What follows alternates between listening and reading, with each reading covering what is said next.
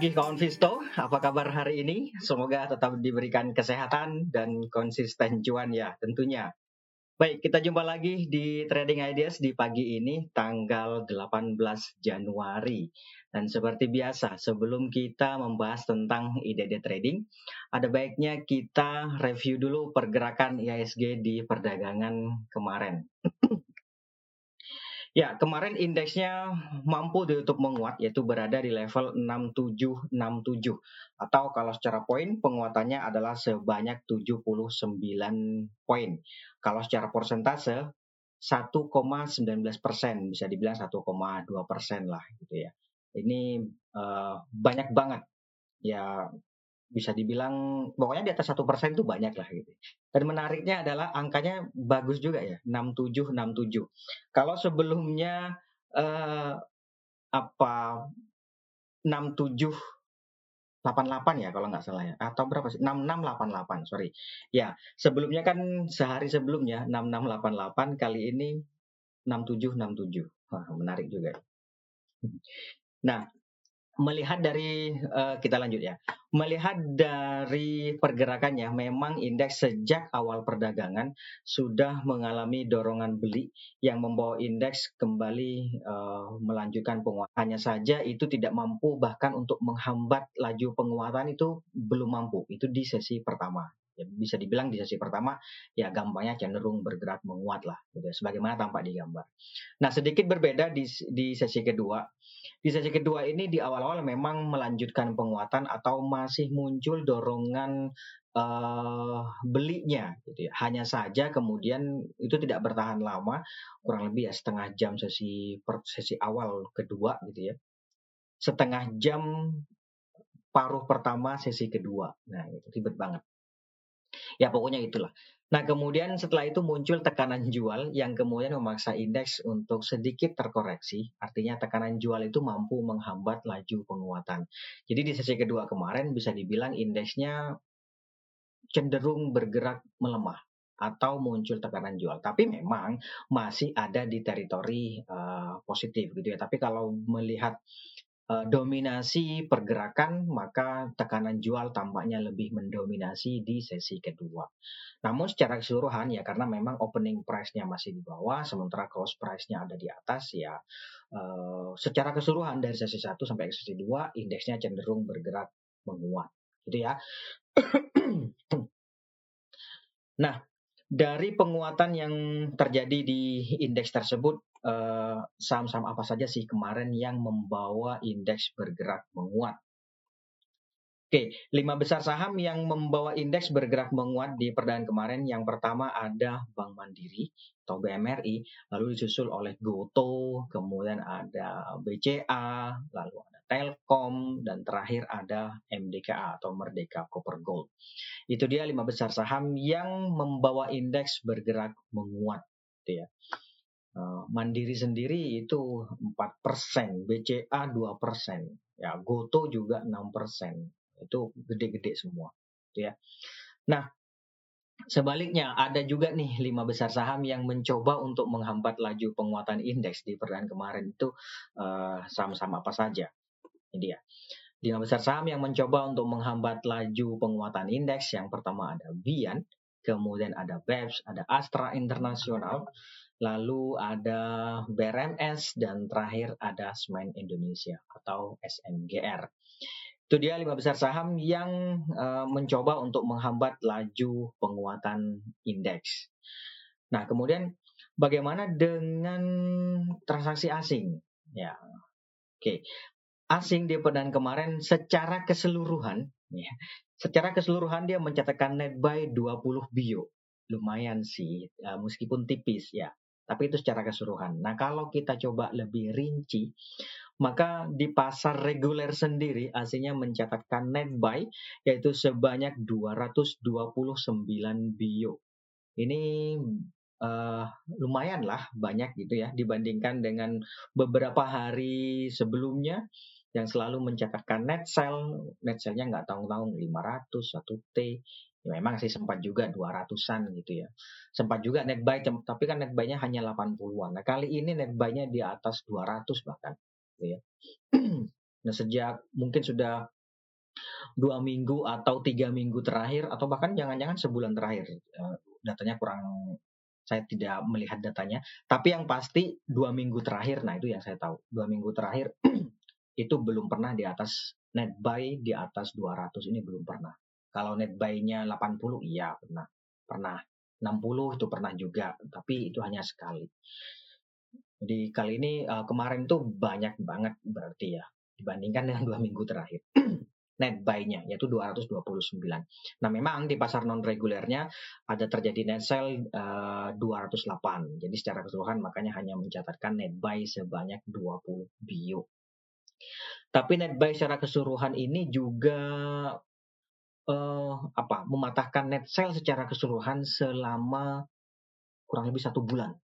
Nah, kalau ini uh, saya kurang uh, saya tahu meskipun nggak pastinya ya, tapi dia net buy-nya itu selama sebulan terakhir ini dia selalu mencatatkan net sell secara keseluruhan ya di pasar secara keseluruhan.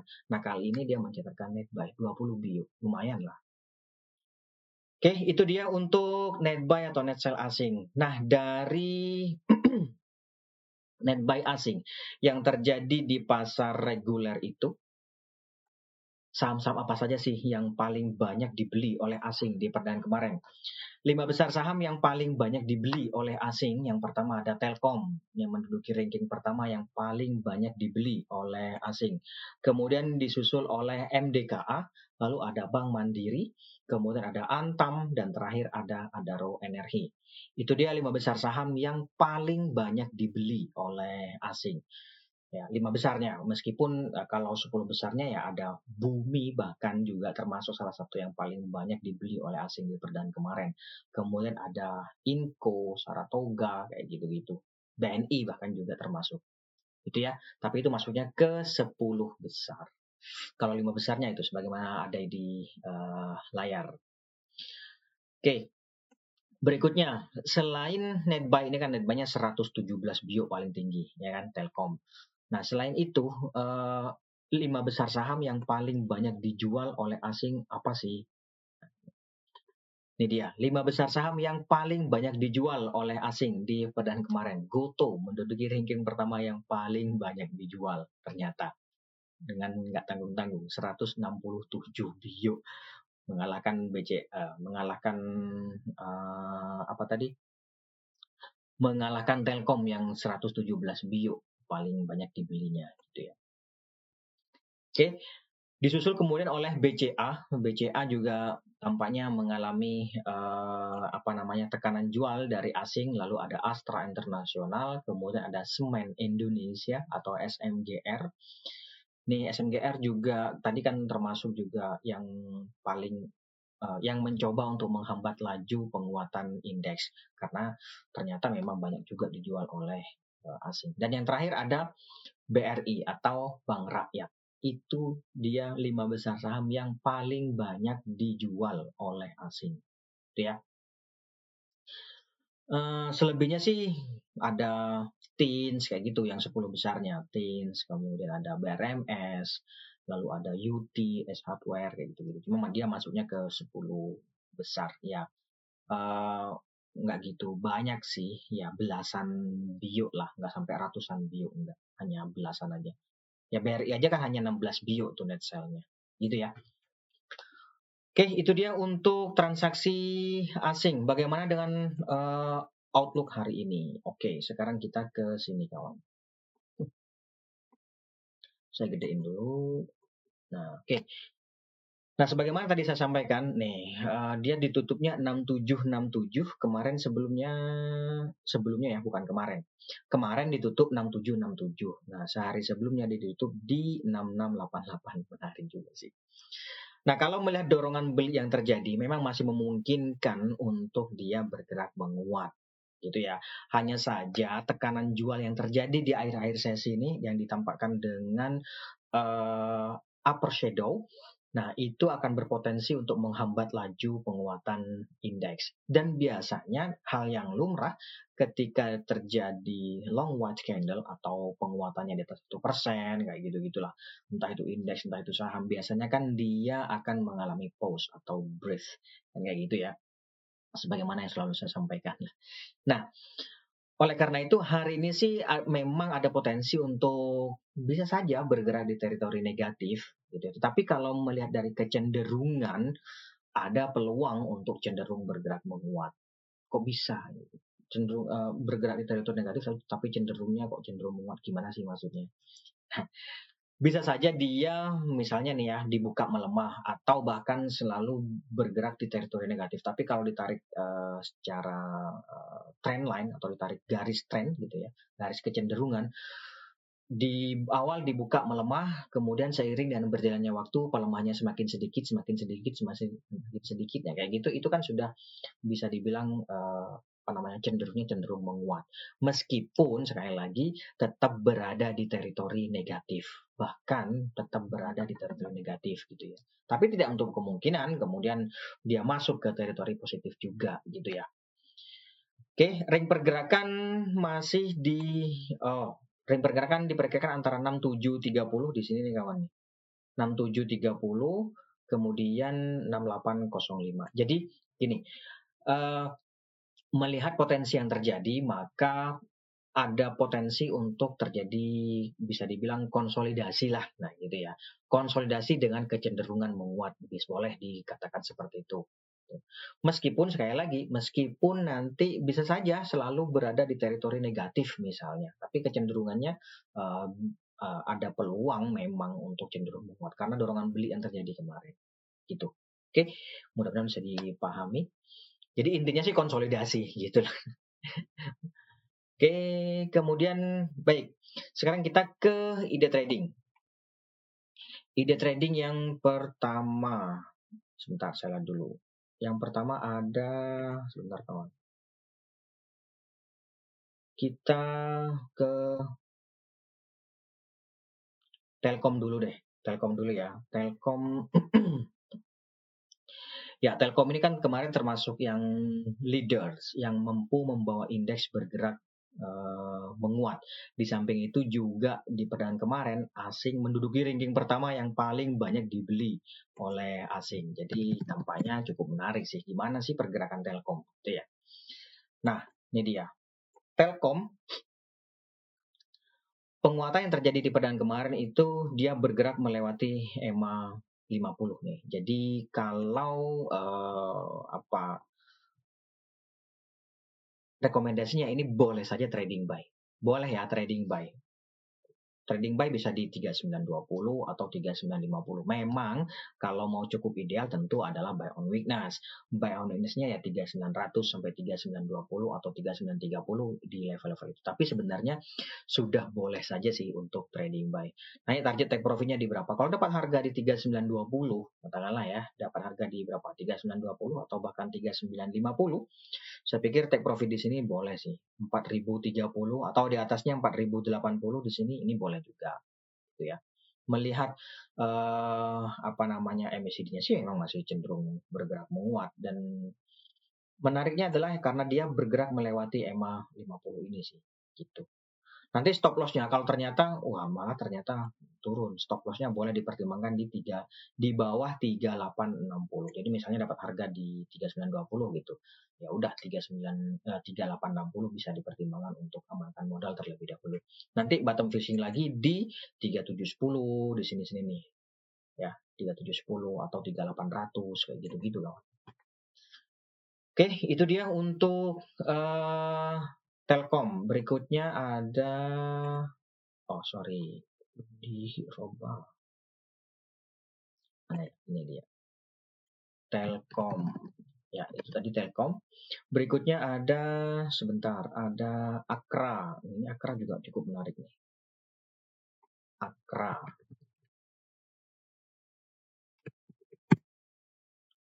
Oke, ini dia Akra. Nah, menariknya di mana Akra ini? Kemarin dia mampu ditutup menguat, ya kan? Uji resist di 13.30 atau cluster dengan EMA 20. Jadi saya pikir ini boleh saja dipertimbangkan untuk buy on breakout. Bisa di atas 13.30. 1335 sampai 1345 misalnya ya boleh dipertimbangkan di level-level itu. Nah ini target take profitnya di kalau dapat harga di berapa 1335 atau bahkan dapat harga di 1340 lah gitu ya. 13 sini boleh saya pikir 1380 1380 tuh di sini kawan. Nih yang garis biru nih boleh sih dipertimbangkan di sini. Atau di atasnya ya 1410 memang cukup idealnya ya di 1440 garis yang hijau ini. Cukup ideal untuk uh, eh, TP di sini. Itu ya. Karena penguatan di atas 1330 ini kalau uh, kawan Visto lihat ke, uh, ke belakang itu kan dia mengalami konsolidasi. Sebelumnya ya dia mengalami konsolidasi di 1330 sampai dengan 1440 itu. Jadi akan kembali konsolidasi di level-level sini atau bergerak di ring-ring itu. Penguatan di atas 1330 gitu. makanya ada baiknya dipertimbangkan buy on breakout saja kalau melihat ini nih, MACD yang Golden Cross, kemudian RSI-nya juga sudah bergerak meninggalkan oversold area, saya pikir ada peluang sih memang untuk berlanjut menguat. Gitu. Namun misalnya ter, oh kok malah hari ini melemah gitu misalnya ya, udah kadung beli uh, di 1335 atau 1340 karena volumenya banyak misalnya. Kalau volumenya dikit berarti kan belum breakout gitu ya asumsinya katakanlah volumenya banyak terus uh, kita ikutan gitu ternyata malah turun. Ya stop lossnya sih di bawah 13 uh, 15 atau sekalian di bawah 1290 1290 ya di bawah-bawah sini lah kawan. Nih di sini nih. Oke. Okay. di bawah uh, low kemarin lah nah gitu. Itu untuk amankan modal boleh dipertimbangkan di level-level itu. Oke itu untuk uh, Akra. Lanjut kita kawan. Hmm, berikutnya ada apa nih? Esta. Esta. Ya, kemarin dia naik banyak kayaknya ya. Esta. Ya, ini dia Esta. Lumayan sih penguatannya satu poin ya kemarin ya setelah ARB berjilid-jilid. Ya setelah setelah ASB ASB setelah ARB berjilid-jilid dia tampaknya mencoba untuk bertahan di atas ini nih kawan. 100 ya mencoba untuk bertahan di level sekolah 100 lah. Jadi saya pikir ini buy on witness uh, ya bisa saja sih 100 sampai 102 gitu. Kalau dapat harga 100 104 jual. Dapat harga 102 bahkan 104 jual. Atau uh, misalnya hari ini dia bergerak kuat di atas 105 bisa saja sih ikutan spekulatif buy. Naik targetnya nggak usah jauh-jauh tapi ya 109 saya pikir cukup. Resisten level dari closing kemarin yang terdekat memang 109 di sini nih kawan. Uh, ya di sinilah gitu ya. Sini atau di bawahnya lagi deh yang ini. Ini berapa nih? 107. Jadi 107 109. Jadi kalau dapat harga di katakanlah 106 uh, jual 109 itu cukup sih. Apalagi dapat harga 104. Dapat harga 104 jual 107 oke okay juga. Boleh juga. Pokoknya ini ada potensi untuk konsolidasi lah di sini-sini nih. Apakah bisa sampai ke 140 150 lagi? Ya misalnya ada yang nanya kayak gitu. Uh, ya bisa sih bisa aja tapi jangan terlalu jauh dulu deh. Jangan main mainnya jangan jauh-jauh dulu deket-deket aja. Ntar lupa pulang kalau main jauh-jauh. Oke berikutnya setelah Esta. Venteni. VTNY Esta VTNY ini uh, saham yang baru IPO nih. Mudah-mudahan kelihatan ya. Kelihatan nggak nih? Hmm sebentar kawan Nah, ini dia. Dia memang bertahan di sini nih. Uh, Oke okay lah di sini ya. Ya, bisalah di sini boleh. 400. Ya ini bisa saja sih. Kalau melihat kemarin kan sempat bergerak menguat ya, hanya saja kemudian dia mengalami tekanan. Boleh saja ini uh, spekulatif bukan spekulatif buy lebih pasnya mungkin buy on breakout di atas 412. Nih, atas ini nih. Di atas yang hijau eh, yang hijau, yang biru nih kawan buy on breakout di sini nanti nggak usah jauh-jauh TP-nya cukup di sini aja nih ini udah udah untung sih harusnya nih 424 Wah banyak sih. Katakanlah dapat harga di berapa? 414. Terus jual di 424. Coba kita hitung ya. Kita hitung 10 dibagi 2,4 persen. Bersihnya 2 persen. Cukup. Saya sih cukup. Belum tentu yang lain cukup gitu ya. Pokoknya yang jelas untung lah gitu. Apakah itu cukup? Nah kembali ke masing-masing. Oke, itu dia untuk Ventene kawan. Kemudian uh, kita lanjut lagi. lagi raja. Raja. Ya, ini dia raja. Sebentar.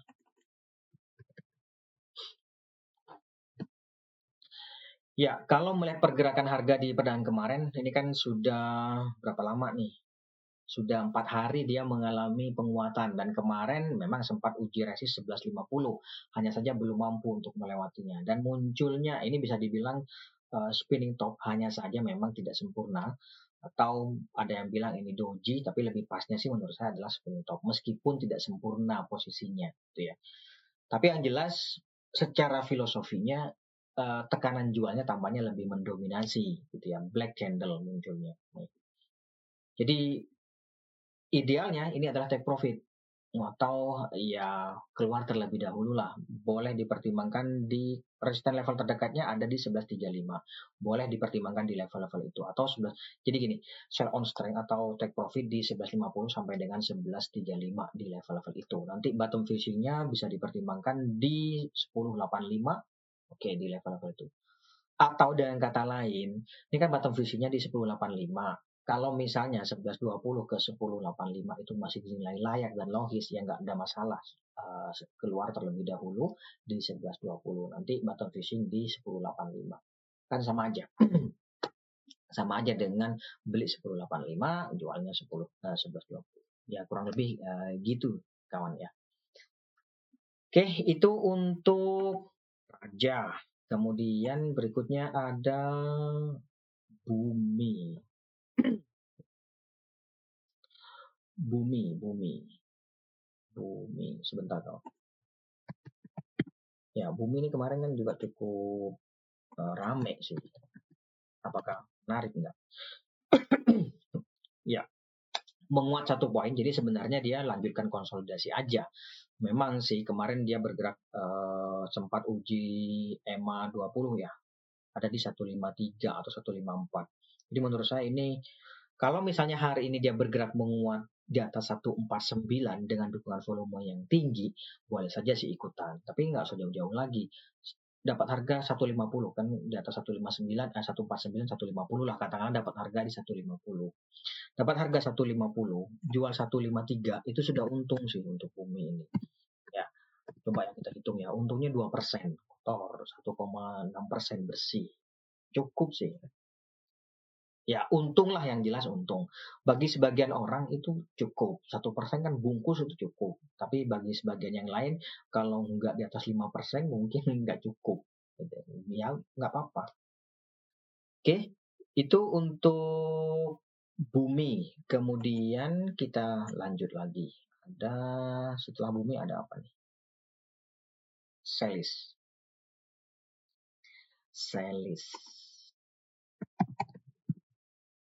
Ini selis. Ada yang bilang selis, ada yang bilang ada yang baca eslis, ada yang baca sulis. Oke, ini dia selis. Tapi yang jelas ini yang memproduksi uh, sepeda listrik dengan merek Selis. Nah, itu makanya saya baca Selis. Oke, cukup menarik sih uh, dari pergerakan harga kemarin. Um, bergerak di atas 260 atau mencoba untuk bergerak di atas EMA 50 dan memberikan peluang sih untuk berlanjut menguat. Jadi rekomendasinya ini boleh trading buy. Trading buy bisa di 260 sampai 264. Nanti TP-nya di sini kawan, 274. 274 sampai 280 ya di level-level itu. Cukup menarik sih ini untuk uh, S list atau sales ini. Ya, nih kalau kita uh, tarik garis dari sini deh, sebentar saya tarik garis dulu ya. Kalau kita tarik garis dari sini kan ini nah sampai sekarang dia masih belum mampu nih untuk lewati di sini. Kan menariknya juga di situ. Tapi ya sekali lagi bahwa ini akan terhambat ada lagi itu untuk Ashley ya. Ada lagi Ali. Ali sebentar. Ali ini terakhir ya Ali ya. Nah. nah ini dia untuk Ali cukup menarik sih untuk Ali. Ini bisa spekulatif buy atau buy on witness boleh. Jadi ada dua strategi yang bisa dipertimbangkan di Ali ini. Kalau mau spekulatif buy ya di uh, berapa? Bentar. 7925, 7950. 7950 sampai 8025 itu boleh uh, spekulatif buy di level-level itu. Tapi kalau mau buy on witness lebih sukanya buy low sell high, maka 7900 sampai 8 7900 sampai tu sorry 79 apa ini 7850 7850 sampai dengan 7900 atau 7950 ya bolehlah di level itu. Jadi kalau sekali lagi kalau mau spekulatif buy 7950 sampai dengan 8025 itu boleh di level-level itu. Atau kalau mau buy low sell high maka 7850 sampai dengan 7950 boleh. Sebenarnya nggak bingung ya. Ya pokoknya ada dua strategi lah gitu loh. Nah nanti target take profitnya ya idealnya sih memang di 8200 nih di sini. Nggak usah jauh-jauh dulu gitu ya. Kalau melihat uh, bullish crossover di stokastik ada peluang sih untuk bergerak menguat 28200 di sini. Terdekatnya sih emang ini nih, uji EMA 50 nih. Ini berapa nih? Ini di 8150. 8150 8200 ya beda tipis sih. 8200 boleh lah dipasang uh, coba jemur di situ ya. Barangkali kemarin juga sudah ikutan juga. Oke, baik. Saya pikir itu dulu Visto untuk hari ini. Oh, uh, tanggung jar. Oke, jar, jar, jar terakhir. Nah, ini dia jar. jar. Nah, ini jar uh, idealnya sih buy on witness ini. 254. 254. Atau misalnya hari ini dia menguat di atas 264 dengan dukungan volume tinggi, boleh sih ikutan spekulatif buy nanti TP-nya di 276. Oke, Baik, saya pikir itu dulu Kawan Visto untuk hari ini. Terima kasih atas kehadiran dan partisipasinya. Kita jumpa lagi besok. Tetap jaga kesehatan. Mohon maaf jika ada salah kata. Sekali lagi terima kasih. Selamat pagi. Salam investasiku. Tomorrow.